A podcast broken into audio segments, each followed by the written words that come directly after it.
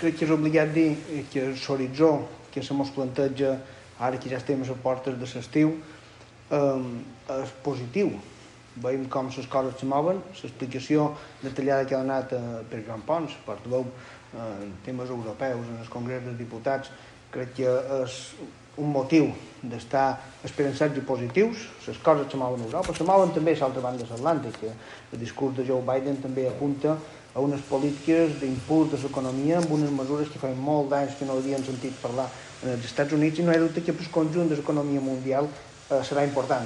Europa i els Estats Units se moguin amb aquesta línia i, per suposat, a nivell de les Illes Balears, tot això ens beneficiarà. Ens beneficiarà però també per la feina que hem estat capaços de fer la nostra comunitat autònoma. Les mesures han funcionat. Estem contenint els contagis, estem contenint l'incidència de la Covid-19, estem, per tant, eh, convertim-nos en un destí segur. I els darrers missatges que veiem que venen tant de eh, Gran Bretanya com d'Alemanya és amb una valoració positiva de la situació dels contagis que se donen a les Illes Balears. Per tant, crec que tot això eh, sumat en aquest augment de les vacunacions que se les, se produiran les properes setmanes, com la presidenta anunciava, l'arribada de, de vacunes per ser, per ser dispensades va augmentant setmana rere setmana i això vol dir que s'accelerarà d'una manera important durant aquest mes de mig, mes de maig, eh, tenint en compte que el mes d'abril ja s'ha accelerat. Però mm, volíem començar parlant eh, també de la feina que fem en les Corts Generals, de vegades mm, poc coneguda, però crec que és important que ho destaquem i el primer que parlaré serà la presentació d'una iniciativa que fem a la Comissió de Transports del Senat que té que veure amb insularitat. Tots som conscients del sobrecost que provoca la insularitat entre totes les empreses que operen des de les Illes Balears, no? que resta competitivitat a les nostres empreses i que en el mateix temps en els ciutadans aquest increment de costos de les empreses se tradueix en un increment del preu dels productes. Això és un fet que el nostre règim especial ja va contemplar a la redacció del seu articulat.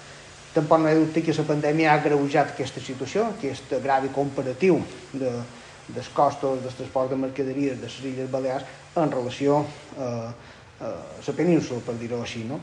És per això que presentam aquesta moció. Una moció en què reclamam que eh, l'Estat apliqui aquestes normes, aquestes mesures que estan contemplades per impulsar el transport de mercaderies de les Illes Balears. I en concret aquesta iniciativa demana al govern d'Espanya que compleixi amb allò que eh, ja contempla el nostre règim especial, com he dit abans, que és exigir a la Unió Europea eh, que s'accelerin els tràmits per suprimir la regla de mínimis per a les Illes Balears, perquè es puguin incrementar les bonificacions en el transport de mercaderies amb origen o destinació a les Illes Balears que com sabem ara està limitada a 200.000 euros per un període de 3 anys, que nosaltres hem considerat, considera el govern de les Illes Balears, considera el Partit Socialista i considera el govern d'Espanya que és del tot insuficient.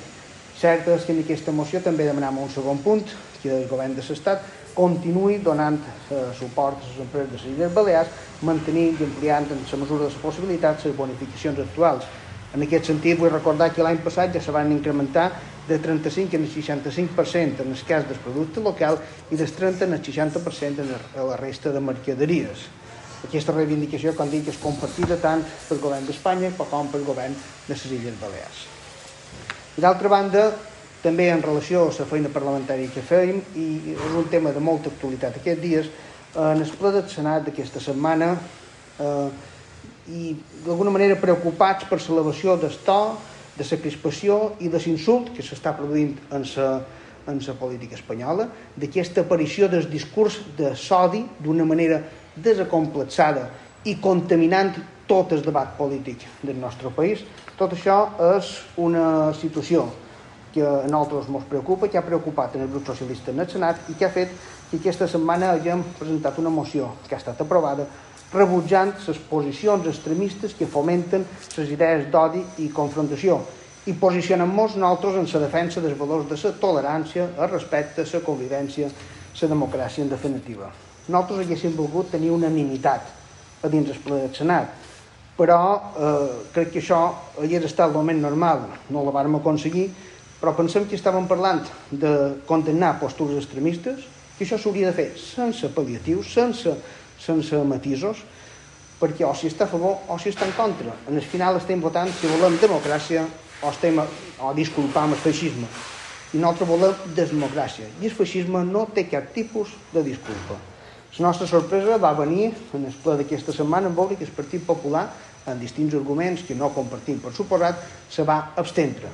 I això és una pregunta que jo també vull adreçar els parlamentaris del Partit Popular a les Corts Generals i als seus dirigents a nivell de les Illes Balears si comparteixen realment aquests discursos de sodi i no estan disposats a denunciar-los, a condemnar-los sense matisos. Un discursos de sodi que estan arribant a la nostra comunitat autònoma i jo he de dir, he de denunciar que per desgràcia començam a veure la poteta en aquest discurs de sodi. Avui mateix han aparegut pintades contra el Partit Socialista en el municipi de Llumajor, a Serenal. PSOE terrorista, mos diuen. Els publicarem a les nostres xarxes socials perquè estiguin a l'abast de tothom. Aquestes pintades poden ser la punta de l'iceberg de que aquests discursos de sodi que se venen sembrant des de partits extremistes estan calant entre determinades persones. Això pot conduir a fer pintades, sí, o pot conduir a fer amenaces de mort a través de cartes. Esperen que no condueixi res més. Però abans de que vagi més, nosaltres demanam en el partit polític de les Illes Balears que condemnin sense pal·liatius i sense, sense matisos el discurs de l'odi que se produeixen també a la nostra comunitat autònoma. Com dic, en aquesta moció que se va aprovar aquesta setmana, demanaven rebutjar qualsevol iniciativa que donés ales a l'extrema dreta a Espanya. Qualsevol iniciativa que anés contra els drets socials, contra els drets de les dones, la violència de gènere, a favor de l'educació pública, la sanitat pública, demanàvem que en definitiva no donen suport a cap iniciativa que posi en qüestió cap dels avanços socials, en drets socials, en drets polítics, en llibertats, que hem aconseguit en aquest país d'ençà que va desaparèixer la dictadura en la mort del dictador Franco i que va permetre la implantació d'un sistema democràtic que ja té 40 anys d'història. Nosaltres plantejam un cordó sanitari molt senzill. Se basa en una norma molt senzilla. Els partits socialistes i les Balears mai pactaran l'ultradreta. Mai donarà suport a les iniciatives de l'ultradreta. Aquesta és la manera, és la manera de tenir-los que en les seves iniciatives que no tinguin la recepció que estan tenint en determinats sectors. No se pot aliar, no se pot fer cap pacte amb ells, no se'ls pot aprovar cap mesura que vagi en contra de la convivència democràtica del nostre país. I el que voldríem nosaltres és que aquesta idea tan senzilla, tan bona d'aplicar, també l'aplicassin altres partits, particularment el Partit Popular, que han comprovat fins ara que utilitza l'extrema dreta amb molta facilitat per mantenir-se en el poder ho hem vist, a, ho hem vist a Madrid, ho hem vist a Múrcia d'una manera molt greu, perquè va mesclar en tot un lamentable capítol de, de transfugir-me, ho hem vist a Andalusia i crec que ho veurem a les Illes Balears. Per tant, abans de que sigui tard, aturem el discurs de sodi, abans de que sigui tard, no donen suport a cap mesura que vengui de l'extrema dreta.